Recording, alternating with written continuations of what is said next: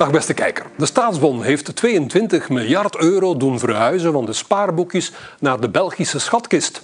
De aantrekkelijke rente op de staatsbon zit daarvoor veel tussen. Krijgen wij te weinig rente op ons spaarboekje en is de staatsbon daarom een welverdiende schop onder het achterwerk van de bankiers? Of is de staatsbon veel eer een gevaarlijke run on the bank, georganiseerd door de overheid? Want vandaag maken de banken wel miljarden winsten, maar wie zegt dat het morgen nog zo zal zijn? Hoog tijd om een grootbankier naar onze studio te halen. Peter Adams, welkom.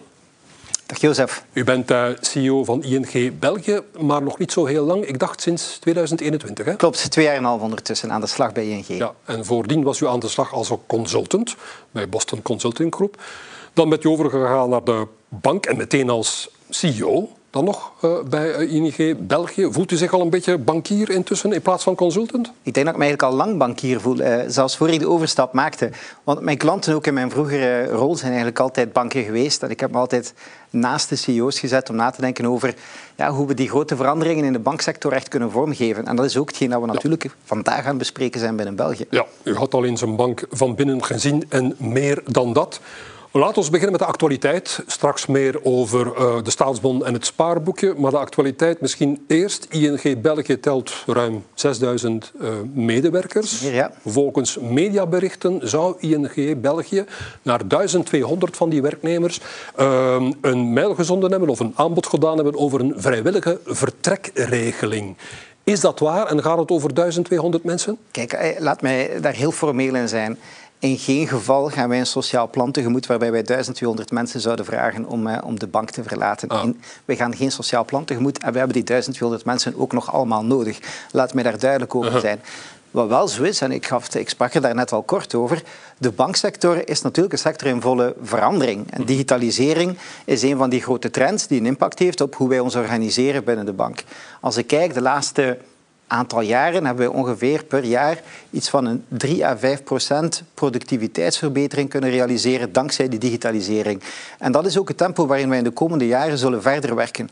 Nu, 3 à 5 procent productiviteitsverhoging, ja, dat is natuurlijk niet gelijkmatig verspreid doorheen alle teams binnen de bank. In sommige teams is dat iets meer, in andere teams iets minder. Er moeten mensen verschuiven. Moeten mensen verschuiven en moeten wij dus werk maken van mobiliteit binnen de bank, maar in zekere mate ook mobiliteit buiten de bank. Afscheid nemen van de mensen. En wat hebben wij gedaan met die collectieve arbeidsovereenkomst? Dat is eigenlijk een kader gecreëerd waarbij we aan die mensen die zeggen, aan die collega's die zeggen van die continue verandering, voor mij hoeft het niet meer. Ja? En ik laat het liever aan mij voorbij gaan. Wel, die geven de ruimte en de kans om te zeggen van ja, ik doe liever iets anders. Ik ga dat doen buiten de bank. Maar u bent formeel, er komen geen ontslagen. Ah, laat ons heel duidelijk zijn. Over de komende jaren zullen wij um, continue productiviteitsverbeteringen zien. Maar net zoals in het verleden is dat grotendeels opgevangen door mensen die zelf de bank verlaten, die met pensioen gaan, die er zelf voor kiezen om een andere rol op te nemen. En die CAO laat ons gewoon toe om daar meer ruimte in te creëren. Ja. En ik kan heel formeel zijn, er komt geen sociaal plan binnen ING België. Ja, want er zijn vakbonden die zeggen um, ING België doet dit omdat zij de uh, wet Renault willen omzeilen. Wet Renault die dus de overlegprocedures regelt bij collectief ontslag. Ja, maar u wil geen wet omzeilen? Of... Ik wil geen wet Renault omzeilen. Dat is gewoon totaal niet aan de orde. Dus wij komen totaal niet in zo'n omgeving terecht. Integendeel, als ik kijk... Weet u, ook de oudere werknemers waarvan u sprake is, hè, waar, waar, wij de kans aan geven om drie à vier jaar voor hun eigenlijke pensioenleeftijd reeds te zeggen van ik wil misschien toch niet meer die laatste verandering meemaken. Als die allemaal zouden vertrekken, heb ik een probleem binnen de bank. Ja, ja want dat zijn mensen met heel, absoluut, dat zijn mensen met heel veel expertise. En ik stel vast dat het de vakbonden zelf geweest zijn die als deel van ons overleg gezegd hebben van kijk, voor die oudere werknemers die zeggen dit is de verandering te veel, kunnen we daar geen oplossing voor bieden.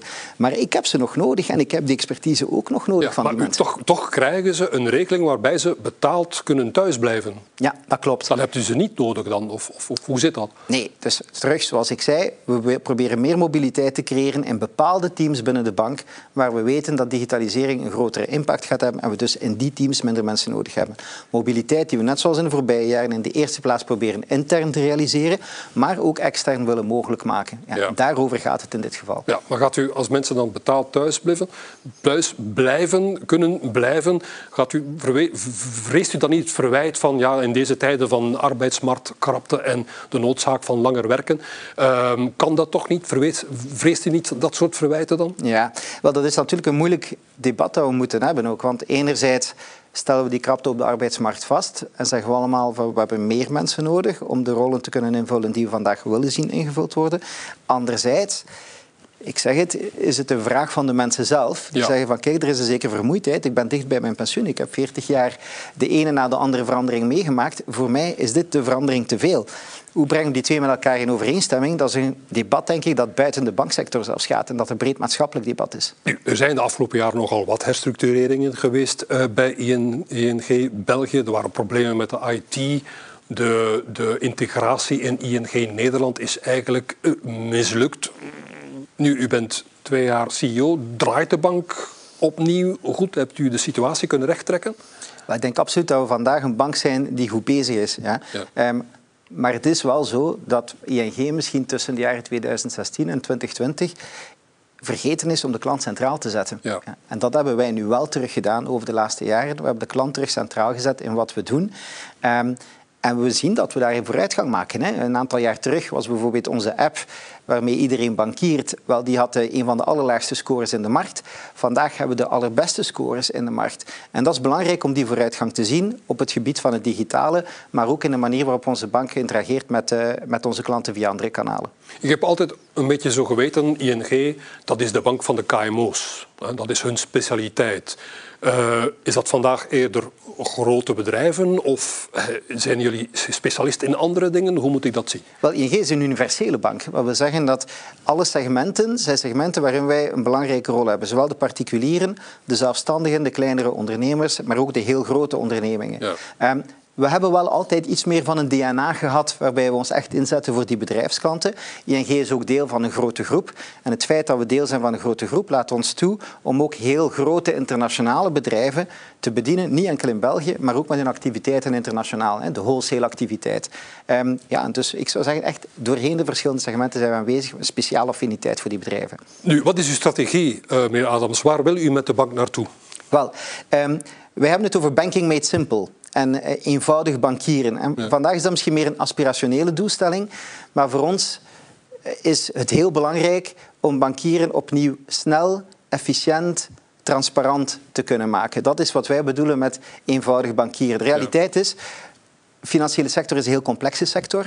En vaak hebben de banken daar nog allemaal ja, eh, kredietpolitieken, regeltjes aan Waarin mensen verdwalen. Waarin mensen verdwalen. Als wij dat eenvoudig kunnen maken, dan zie ik dat als onze roeping, eh, of dat zie ik als onze roeping van de bank om, om dat eenvoudiger te gaan maken.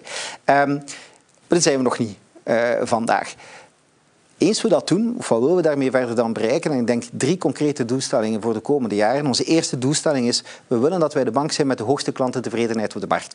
Daar zijn we langzaam aan aan timmeren. We zien onze klantentevredenheid vooruitgaan. Ja, we zijn er nog niet, maar ik heb er alle vertrouwen in dat dat binnen handbereik is. Het tweede is, we willen meer groeien op die markt. Over het eerste half jaar heeft ING meer dan 7 miljard euro aan nieuwe kredieten versterkt. We hebben sneller gegroeid dan de markt daarin. Mm. En die ambitie moet zich kunnen blijven verder zetten. En het derde element van onze strategie is om ook die digitalisering, zeker op alles wat de kernfinanciële producten betreft, om die ook verder te zetten. En zorgen dat u eigenlijk vanuit de comfort van uw zetel kan bankieren met uw telefoon. Maar op dat uh, online en dat smartphone uh, bankieren, hoeveel rek zit daar eigenlijk nog op? Want ik kan me voorstellen dat mensen bij belangrijke beslissingen toch, zoals hypothecaire leningen, zoals grote beleggingen, toch nog liever iemand in levende lijven zien ja. bij de bank. Wel, Rijk, ik denk dat dit in de eerste vraag, eh, of het eerste punt, iets is waarbij wij de klanten volgen. Ja? Want vandaag, als een klant contact opneemt met ING en die zegt van kijk, ik zou graag een gesprek hebben rond een hypothecair krediet of een beleggingsgesprek, dan bieden wij die klant systematische keuze. Wilt u dat doen van bij u thuis, comfort van uw zedel, videobankieren, of maakt u liever een afspraak in een kantoor? Zeven keer op tien zeven keer op tien gaat die klant ons aangeven dat hij er de voorkeur aan geeft om dat te doen van bij hem of haar thuis. Ah, Betekent dat dan ook dat het aantal ING-kantoren dat gedaald is van 400 naar 206 in België, zoals u zegt in een interview in Trends van augustus, dat die 206, dat, die, dat dat aantal kantoren nog kan dalen in België? Wel kijk, als je vandaag een kantorennet zou uittekenen voor een markt zoals die in België, dan zou je waarschijnlijk op die 150 à 200 kantoren uitkomen. Wat voor ons belangrijk is, is dat je in elk van die kantoren alle expertises van de bank aanwezig hebt. Ja? Zodanig dat of het nu een bedrijfsklant is of een particuliere klant, een klant die wil spreken over een lening of over een belegging, dat die terecht kan in elk van die kantoren op om even welk moment, ook zonder afspraak. En dat is de reden waarom wij ons kantorennet geconsolideerd hebben naar minder, maar grotere kantoren. De staatsbon, meneer Adams, we kunnen er moeilijk uh, buitenuit. 22 miljard heeft die staatsbon van de spaarboekjes afgerond. Um, op een totaal van 300 miljard op die spaarboekjes, dacht ik. Belfius bijvoorbeeld um, zag uh, eh, 3,5 miljard verhuizen van de staatsbon naar de staatsbon op een liquiditeitsbuffer van uh, eh, 40 miljard, zegt de CEO Marc Rezière in Trends van begin september. Hoeveel miljard heeft de ING zien vertrekken op een spaartotaal van hoeveel? Wel, we hebben 2,6 miljard uh, zien vertrekken. Dat is eigenlijk iets minder, zou ik zeggen, dan ons natuurlijk marktaandeel. Dus van op dat perspectief uh, staan we misschien nog aan de goede kant. Maar ik kan u geruststellen, al onze liquiditeitsbuffers zijn op elk moment uh, meer dan intact gebleven. Even. En we hebben heel sterke liquiditeitsbuffers om zoiets op te vangen. Maar in de intro sprak ik um, over een run on the bank, georganiseerd door de overheid. Um, overdrijf ik of zegt u ook, zoals Pierre Woens trouwens, gouverneur van de Nationale Bank, van het is goed geweest voor één keer? Wel, eh, laten we zeggen dat dit niet voor herhaling vatbaar is. Ja? Uh, laten we daar ook duidelijk over zijn. Het is zo dat als je kijkt naar het totaal van de balanstotaal eigenlijk van de totale sector in zijn geheel, dan heeft de sector iets van een surplus van 50 miljard euro meer deposito's dan uitstaande kredieten. Ja. Door het effect van de staatsbon is dat surplus gehalveerd. Ja?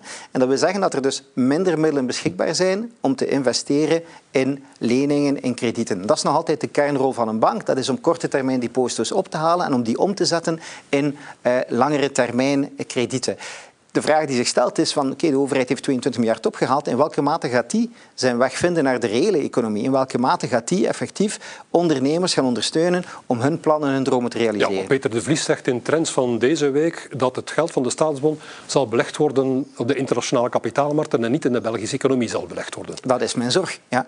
En terug, eh, ik zou ik pleit ervoor om veel meer debat te gaan voeren rond de banksector. Niet rond, ja, maken we nu te veel winsten of niet? We kunnen daarover spreken. Het antwoord is duidelijk nee. We hebben een correcte vergoeding op het kapitaal dit jaar. Maar het echte debat moet zijn is, wat doet de banksector eigenlijk om de reële economie te ondersteunen? Ja? En dat is met elke euro winst die je bank maakt, of van elke euro winst die ING maakt, wordt de helft opzij gezet om het kapitaal te versterken. En dat kapitaal, elke euro kapitaal, laat mij toe om 20 euro aan, uitstaan, aan bijkomende kredieten te verstrekken. En wat zijn die kredieten? Die kredieten zijn die zaken net die het mogelijk maken aan particulieren om een woning te kopen of aan bedrijven om de grote uitdaging van vandaag aan te gaan. En wat zijn die grote uitdagingen van vandaag? Energietransitie. Wat zijn die uitdagingen vandaag? Dat is digitalisering. En dat is de rol die wij opnemen als banksector. En wij moeten zorgen dat we daarin verder kunnen gaan, dat we die grote uitdaging kunnen aanpakken, kunnen financieren en ondernemers kunnen steunen op die trajecten. Heeft de overheid uh, de concurrentie vervalst door de halvering van de roerende voorheffing op de staatsbon? Want de wordt vaak vergeleken met het spaarboek. eigenlijk moet je het vergelijken met een obligatie. Als de banken een obligatie op een jaar zouden uitgeven, dan zou daarop een roerende voorheffing van 30 procent uh, moeten betaald worden en geen 15 procent. Was het unfair van de overheid? Maar kijk, staat in elk geval vast dat we een nieuwe speler op de markt hebben. En dat is een speler die inderdaad zich aan andere spelregels houdt. Zowel op het gebied van het fiscale als op het gebied van het uh, ja, regulatoire. Hè? Want ook daar is het kader totaal anders voor de overheid blijkbaar dan voor de, voor de banksector. En de vraag is dan, wie is de grote winnaar? Uh, langs de kant de overheid, ja, want ze financiert zich met het geld van de Belgen op uh, een zekere termijn. Een financiering die weliswaar door de financiële markten redelijk goed ont onthaald is. De spaarders, in zekere mate alvast niet de kleine spaarder. Hè? Want de gemiddelde inleg bij de staatsbond was ongeveer 34.000 euro. In mijn ogen zijn dat eerder de grote spaarders. Hè? Dus de vraag is inderdaad wat we daarmee willen bereiken. Belfius uh, heeft als eerste Belgische grootbank uh, de spaarboekjesrente verhoogd als reactie op de staatsbond. Zal u Belfius volgen? Wel, uh, twee punten. Eén, ik stel vast dat wij vandaag nog steeds na de verhoging van Belfius zelfs helemaal bovenaan prijken in het, als je op de spaargids gaat kijken naar de, de vergoedingen op, op spaarrekeningen. Hoeveel kan ik nu krijgen op mijn spaarboeken bij ING? Wel, bij ING Tempo sparen kan u 2,25% halen. Ja? Dus dat is 75 basispunten basisrente en 1,5 procent getrouwheidspremie. Maar, en dat is voor recurrente inleg. Hè? Dus als je tot 500 euro per maand kan je eigenlijk in die spaarrekening zetten. Onze klassieke spaarrekening vergoedt anderhalf procent in het totaal. Dus wij prijken absoluut bij de top uh, van, uh, zeker van de grootbanken, maar ook als we ons gaan vergelijken met uh, de kleinere banken. Het is duidelijk dat we ook over de komende weken en maanden gaan evolueren hoe die spaarrente evolueert, wat onze concurrenten doen, de mogelijkheid die wij ook hebben op basis van onze balans om onze spaarders beter te vergoeden nog. er komt een, misschien wel een renteverhoging aan op de spaarboek. Het is duidelijk dat over de komende weken en maanden die rente op de spaarboekjes zal blijven toenemen, maar op een geleidelijke, progressieve manier. Vooraleer de banken natuurlijk de spaarrente kunnen verhogen, moeten ze kijken hoeveel rente ze zelf ontvangen via kredieten, hè, kredieten zoals hypothecaire leningen, uh, zoals bedrijfskredieten. Ik laat mij zeggen dat die uh, rente op die kredieten gestegen zijn. Hypothecaire leningen, hypothecaire leningen zijn duurder geworden. Hoe moet ik dat nu verstaan? Ontvangen de banken nu netto meer rente dan ze uitbetalen? Is, is die zogenoemde rentemarge is die nu positief? Hoe, hoe zit dat precies? Laten we daar even heel concreet naar kijken. Ja? Anderhalf jaar terug dan was de depositorentevoet bij de Europese Centrale Bank negatief 50 basispunten. Jullie moesten betalen om geld te parkeren bij de ECB. Correct. Vandaag is die 4% positief sinds 1 oktober, dus plus 4,5%. Op diezelfde termijn is de rente op een hypothecair krediet geëvolueerd van ongeveer 1,2% ja, hm. naar een goede 3,5% vandaag. Ja, dus plus 2,3%. Ja. Maar wat is het punt? dat is dat al die kredieten zijn langlopende kredieten en het duurt ongeveer 7 à 8 jaar vooraleer al die kredieten een impact hebben of de herpricing daarvan een volledige impact heeft op onze balans. jullie zitten, nog met een, jullie zitten nog met een grote voorraad aan uh, oude woonkredieten tegen vaste lage rente. Aan een vaste lage rente. De impact op het totaal van onze portefeuille is ongeveer 70 basispunten. Ja? Dus momenteel genereren wij iets van een 70 basispunten meer interestinkomsten op het totaal van onze hypothecaire kredieten dan in het verleden. Laten we nu kijken wat we doen aan sparenzijde. Ik had het er daarnet over. Wel, in het verleden min 50 basispunten bij de ECB. Wij moesten nog altijd 11 basispunten blijven betalen, omdat dat de minimale legale uh, interestvoet is. Die is opgetrokken naar vandaag die 1,5 procent, 2,25 procent op totaal. Als ik dat opnieuw ga uitzetten op totaal van onze spaarrekeningen, dan is er een verhoging van ongeveer 70 basispunten vergoeding die we daar doen. En die twee zijn in balans. En ik denk dat dat heel belangrijk is.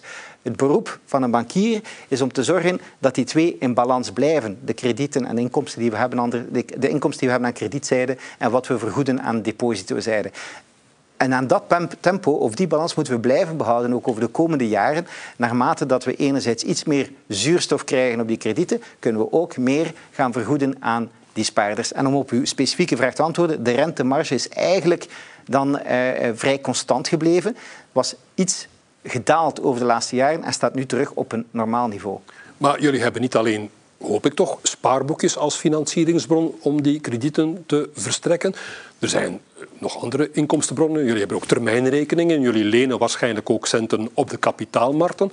Wat is dan de globale rentemarge als je alle financieringsvormen van de bank uh, vergelijkt met de kredieten? Het is inderdaad zo dat wij een hele serie instrumenten ter beschikking hebben om middelen op te halen. En die gaan dan ook gaan investeren in een uh, aantal verschillende instrumenten op het niveau van de, uh, van de assetzijde van ons balans. En zit dat nog altijd in balans? Dat zit nog altijd in balans. En die vergoeding tussen die twee blijft min of meer continu op 1,7 à 2 procent. Het is heel belangrijk om te weten, ING is een van de banken die eigenlijk de hoogste wat we noemen loan-to-deposit ratio hebben. Wat wil dat zeggen? Elke euro die wij ophalen aan depositokant, die wordt eigenlijk gebruikt om een krediet te financieren. Mhm. ja? Um, dus wat wij doen, en dat is, de, dat is de rol van een bank natuurlijk, dat is om die kredieten mogelijk te maken. Het is niet zo dat wij geld ophalen om het daarna te gaan parkeren bij de Europese Centrale Bank. Ja, nu om nog eventjes op die woningkredieten uh, terug te komen. Um, precies door de stijging van de rente is het de, de, vraag naar woningkredieten gekelderd, ook door de hoge uh, bouwkosten. Dus het ziet er ook niet goed uit voor de toekomstige uh, inkomsten uit woon, woningen en woonkredieten dan. Ja, wel, het is inderdaad zo. Hè. Dus, de markt van de hypothecaire kredieten is met ongeveer 40% gedaald. Ja op een jaar tijd. Dat is best significant. Um, ik hoor soms dat eh, de bankaire sector onvoldoende concurrentieel zou zijn. Maar daar is de concurrentie keihard, hè? De concurrentie is moordend op het gebied van de kredieten. Dus ik nodig u uit om de tarieven op hypothecaire kredieten te gaan vergelijken tussen België en andere landen. Wel, één, u gaat vaststellen dat die bijzonder laag zijn in België. Veel minder naar omhoog getrokken zijn over de laatste jaren, eh, of over het laatste jaar dan wat we gezien hebben in andere markten. En wat u ook moet weten, is dat we in België een heel groot gedeelte van langlopende, vaste rentevoeten hebben. Langlopende kredieten met een vaste rentevoet. Ja. Wat wil dat zeggen? Dat wil zeggen dat het risico eigenlijk bij de bank zit. Als je dat gaat vergelijken met de Franse markt, de Italiaanse markt, dan ga je daar zien dat een heel groot gedeelte van die leningen variabel zijn. En dus het risico zit bij de huishoudens, bij de individuele gezinnen. Als, daar, als er rentestijging is op de markt, gaan zij meer moeten betalen. Dus ook dat is een andere manier om uw balans te gaan beheren als bank. En ook vanuit dat perspectief kunnen we niet zomaar gaan vergelijken met de verschillende markten rondom ons. Ja, ik, ik hoor zelfs zeggen dat de hypotheekrente in België eigenlijk te laag is, te laag is om de kost van de risicodekking van die hypothecaire leningen te dekken. Zitten we daar met een gevaarlijke situatie, meneer Adams? Wel terug, wat belangrijk is, is dat we het totaal van de balans van een bank gaan bekijken. En dat we op het totaal van die balans een goed rendement gaan realiseren. Een rendement dat ons toelaat om kapitaalbuffers op te bouwen voor momenten wanneer het niet goed gaat in de toekomst, enerzijds, maar anderzijds ook om te recupereren van momenten dat het niet ging, goed ging in het verleden. Denk aan 2020, midden van de coronacrisis. Het gemiddelde rendement van de banksector zat toen helemaal niet op die kost van kapitaal. Nu, jullie hebben toch ook nog wel andere inkomstenbronnen, hoop ik, zoals uh, commissies op beleggingsproducten. Biedt dat geen soelaas voor aan de inkomstenzijde? Wel, Natuurlijk, hè, zeker op het, op het, moment van dalende en negatieve interestvoeten hebben veel banken zich ingezet om te zorgen dat ze zogenaamd meer commissieinkomsten zouden genereren, bijvoorbeeld op beleggingsproducten of eh, verzekeringsproducten en dergelijke meer. Maar je gaat samen met mij vaststellen dat het niet bijzonder sterk is geweest op dat perspectief ook. Hè. Vanuit dat perspectief ook. De financiële markten hebben het niet zeer goed gedaan. Maar terug, wat belangrijk is voor ons is, we hebben een geheel aan inkomsten. Het is door het geheel van die inkomsten dat wij op totaal van onze balans een goed rendement moeten kunnen verzekeren naar de toekomst toe ook goed rendement. Banken zijn toch ook niet arm. Ik heb eens gekeken hoeveel geld, u hebt er al even op gealludeerd, hoeveel geld op het spaarboekje staat van de banken bij de Europese Centrale Bank. We hebben daar een uh, tabelletje over. In augustus hadden de banken bij de Europese Centrale Bank uh, eh, 235 miljard euro, komende van 246 een jaar eerder. Nu, professor Hans de Grieze uh, van de KU Leuven zegt mij dat een deel van die 235 miljard toebehoort aan instellingen zoals Euroclear in Brussel. De grote afhandelaar van internationale financiële transacties. Maar volgens professor De Riese zou toch nog 110 à 120 miljard van die 235 toebehoren aan de reguliere banken in België. Daarop krijgen jullie 4% depositorente vandaag van de Europese Centrale Bank. Is zo'n 4 à 5 miljard euro per jaar. Dat komt toch maar mooi binnen, uh, meneer Adams. Kan daar niet een beetje van uh, naar de spaarboekjes van de klanten gaan? Dat klopt inderdaad, hè, maar je moet dat terugzien in het perspectief van totaal van de balansen van een bank. In het geval van ING België is het zo dat eigenlijk nooit meer dan 10% van ons uh, portefeuille zal geparkeerd staan, uh, of van onze depositen zal geparkeerd staan bij die uh, Europese Centrale Bank. Wat belangrijk is, is dat je dan terugkomt naar die notie van ja, maar hoeveel winst genereert de bank nu echt in totaal? Eerste zes maanden van het jaar 4,4 miljard euro voor het totaal van de Belgische sector. Van de vier, voor de vier Belgische grootbanken? Voor de, de, de, de totale Belgische sector, inderdaad. Ah. Nu, daartegenover staat natuurlijk enorm veel kapitaal. Iets van een 55 miljard euro kapitaal dat we opzij moeten zetten om die winsten te kunnen genereren. Ik had het er al eerder over, dat is ongeveer return on equity van 12 procent. Ja. 12% is net boven de cost of capital, zoals we die noemen, wat een aandeelhouder zou verwachten, gegeven het risicoprofiel van de bankaire sector. Typisch zagen we dat als 10%. Ik las deze week in de Financial Times dat de ECB eigenlijk zegt dat die cost of capital voor de Europese eh, banksector eerder rond de 15% zit. Als je in overweging neemt welke mogelijke kredietverliezen er bijvoorbeeld naar de toekomst zouden kunnen aankomen op het moment dat het economisch ook minder goed gaat. Dus we moeten veel meer die winst in, in, in dat perspectief gaan plaatsen. 12% op een van onze sterkste jaren is helemaal wel is correct, laat het ons zo zeggen. En um, uh, je moet dan ook naar het verleden durven kijken en naar de toekomst. De laatste tien jaar heeft de sector één jaar op twee niet de vrijste 10% return on equity gehaald. Gemiddeld zaten we net onder die 10% return on equity. Ja? Dus laten we dat alsjeblieft in de juiste context plaatsen. En vooral laat ons zorgen dat we een sterke banksector hebben. Want een sterke banksector laat ons toe om de, om de projecten van onze ondernemers te financieren en om de Belgische economie te stimuleren. Maar zegt u dan, ja, goed dat we nog die 4 eh, of 5 miljard van de ECB krijgen, want anders zouden we te weinig rendement op eigen vermogen hebben, te weinig winst. Maar laat ons, laat ons duidelijk maken dat het geheel aan inkomstenstromen vandaag absoluut nodig is om een correct rendement op uh, dat kapitaal, gigantisch kapitaal dat daarvoor uh, nodig is, te kunnen genereren. Jullie kunnen het goed gebruiken. En we moeten inderdaad, de eerlijkheid moet ons, gebiedt ons om te zeggen dat jullie jarenlang bij de ECB, ik dacht van 2014 tot 2022, een negatieve, rente, hadden. rente hadden. Jullie moesten ja. dus geld betalen. Hè. Nu, nu maken de banken toch mooie winst. U hebt het zelf gezegd, ongeveer 4 miljard voor de grootbanken in België in het eerste half jaar. Uh, en daar zitten ook winsten tussen van de verzekeringsactiviteiten en andere activiteiten van de banken. Komt niet allemaal uit de bankactiviteiten, die winsten.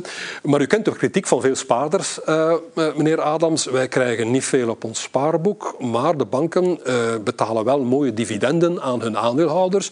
En die aandeelhouders passeren dan nog eens langs de kassa door de aankoop van eigen aandelen door de banken. Wat zegt u daarop? De vraag is natuurlijk, wie zijn die aandeelhouders ook? Hè? En in het geval van ING, onze aandeelhouders zijn pensioenfondsen, zijn beleggingsfondsen, waar eigenlijk echt onze particuliere klanten ook in geïnvesteerd zijn. Ja.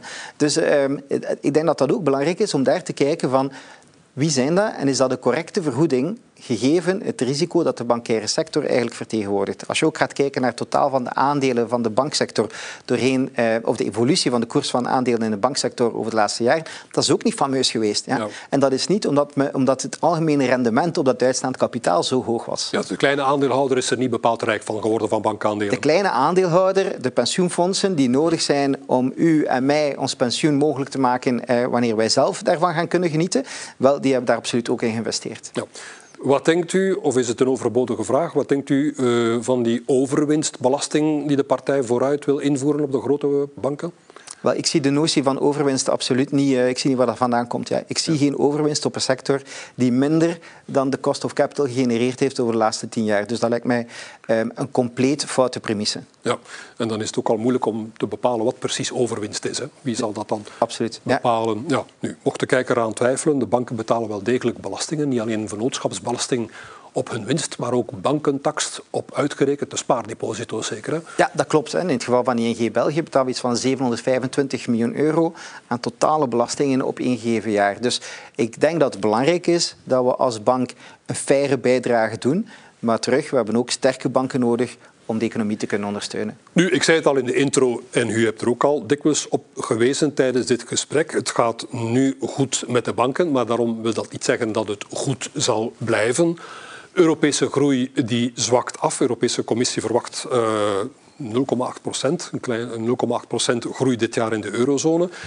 Dat is niet zoveel, een beetje mager. Zullen er op het einde van het jaar nog altijd miljarden winsten zijn voor de banken in België? Wel, kijk, ik denk dat 2023 er goed uitziet. Um, en een bank doet het maar zo goed als de economie ook waar we eigenlijk in zitten, hè, langs, de, langs de grote kant. Ja. Als ik kijk naar 2024 toe en ik spreek met, de, met ondernemers, dan zie ik toch dat op het niveau van de kleinere ondernemingen, en Gredon stelt dat trouwens ook vast, zien we iets meer faillissementen komen. Blijft weliswaar onder het lange termijn gemiddelde. Als ik kijk naar de grote ondernemingen, die blijven gelukkig sterk. Dus blijft wel even afwachten uh, wat, dat, uh, wat dat gaat geven. Ja, dus u durft zich niet uitspreken of we op het einde van het jaar evenveel winsten zullen zien. Op het einde van het jaar, 2023, zal een goed en een correct jaar zijn voor de banksector. Wat 2024 zal brengen, is veel minder zeker. Is een vraagteken nu. Zal die hele discussie tot slot um, meneer Adams, de discussie rond de staatsbond en de lage rente uh, op de spaarboekje niet ja, nefast zijn voor het imago uh, van de banken. Jullie zetten spaargeld om in kredieten hè, uh, en zijn daarom belangrijk voor de economie, cruciaal eigenlijk. Maar jullie krijgen dat zo moeilijk verkocht aan het publiek. Hè? Ja, ik denk dat dat een goede vaststelling is. Ik denk dat uh, wij... Kijk, ik heb de overstap gemaakt, zoals u daarnet zei, van uh, consultant naar bankier. Ik ben er niet uh, bepaald populairder mee geworden. Laat, ja. dat, laat dat duidelijk zijn. We slagen er niet in om duidelijk te maken wat die rol is die we opnemen, om duidelijk te maken dat het niet gaat om iets conceptueel, maar om heel concrete projecten die wij moeten mogelijk maken eh, voor particuliere klanten en voor bedrijfsklanten. En ik denk dat daar het debat veel meer over moet gaan. Als samenleving staan wij voor een aantal enorme uitdagingen. We hebben het al over digitalisering gehad. We hebben het over de transitie naar een veel meer uh, CO2-neutrale uh, economie dat vergt massale investeringen. Je hebt banken nodig om die daar een rol op nemen die die financiering mogelijk maken. En ik denk dat dat veel meer de focus zou moeten worden van het debat. Ja, ik heb zo de indruk dat banken voortdurend tussen hamer en aanbeeld zitten. De spaarders die willen zo hoog mogelijke rente op hun spaarboekje. De kredietnemers die willen zo laag mogelijke eh, rente op hun krediet. Maar toch moeten de banken voldoende winst maken om kapitaalbuffers tegen slechte tijden aan te leggen, zoals u al gezegd heeft. Want anders verliezen ze het vertrouwen van de, van de kapitaalmarkten. En dat vertrouwen is, is, is cruciaal. We hebben al eens uh, een vertrouwenscrisis meegemaakt bij de banken. Maar leg dat maar eens uit in het café. Hè. Ja, je krijgt dat niet uitgelegd, denk ik. Hè. We hebben een, een, forum nodig zoals vandaag, waarbij je kan uitleggen ook hoe een bank op totaal van zijn balans moet kijken dat er winst gegenereerd wordt. En ja, dat mis ik toch vaak in het debat vandaag. Het is allemaal nogal kort door de bocht getrokken. Het gaat inderdaad over enorme bedragen, maar je moet die allemaal wel in de juiste concept uh, kunnen plaatsen. En ik denk dat wij daar als sector in de eerste plaats verantwoordelijkheid in hebben. Wij moeten dringend naar onszelf kijken en zorgen dat we leren om te communiceren in de taal van de mensen en dat we leren om duidelijk te maken hoe we met die ja, zeer schaarse middelen overweg gaan om die projecten eh, mogelijk te maken. Het blijft een speciale stil, bankier. Meneer Adams, toch bedankt voor uw komst naar de studio. Graag gedaan. Tot zover deze Trendstalk. Bedankt voor het kijken en geniet nog van het weekend.